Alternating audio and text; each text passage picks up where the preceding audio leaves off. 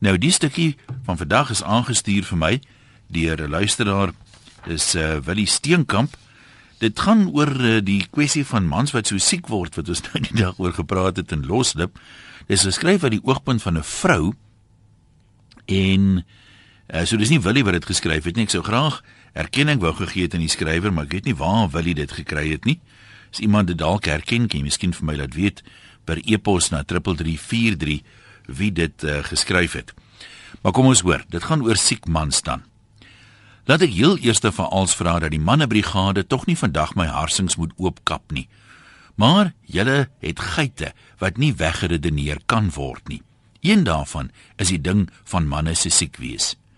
'n Man is sterk en ons roep hulle gou om swaar drawerk te doen, kredeniersware aflaai, blombakke en meubels skuif om 'n gat te spit en komberse in 'n hoë kas te bære. Gewoonlik is hulle gewillig.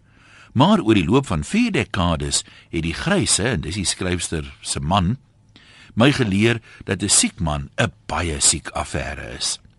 Wanneer vroumense siek is, gaan hulle aan met hulle joppies. Al gloei hulle van die koors en al pyn hulle litte. 'n Siek man is egter hulpeloos platgedrek in die kooi.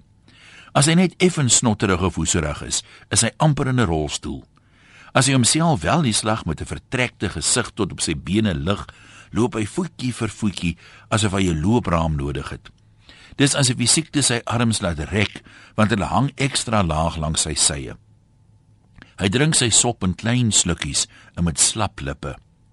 Dan kan hy, soos dit vir my klink, ook nie reg praat nie. Hy mompel binnesmonds en hou sy kop met albei hande vas as hy hoes kompleet of hy wil keer dat sy oë uitspring. As dit gebeur het hy in sy toestand die kat moet kos gee, buik hy steunend om die bak opgetel te kry en dan skuif hy terug kooi toe. Neem die vrou sy pille en tee tot by sy siekbed, dan hy homself deur mekaar van die koors op en sit die pille met 'n dom hand in sy mond, sluk 5 keer voor dit af is. Ek het hom met my eie oë gesien hoe die gryse lank hou aan jelly en vla. En hy sien nie kans vir iets anders as rooi jelly nie, want sy ma het vir hom rooi jelly gegee as hy siek was en warm mamait water. Tog, telkens as hy siek is, het sy middelmatig of dodelik ontwaak 'n Florence Nightingale in my. Dan vind ek 'n moederlike behaag daarin om sy rug met wieks te vryf en sy gesig met 'n warm waslap af te vee.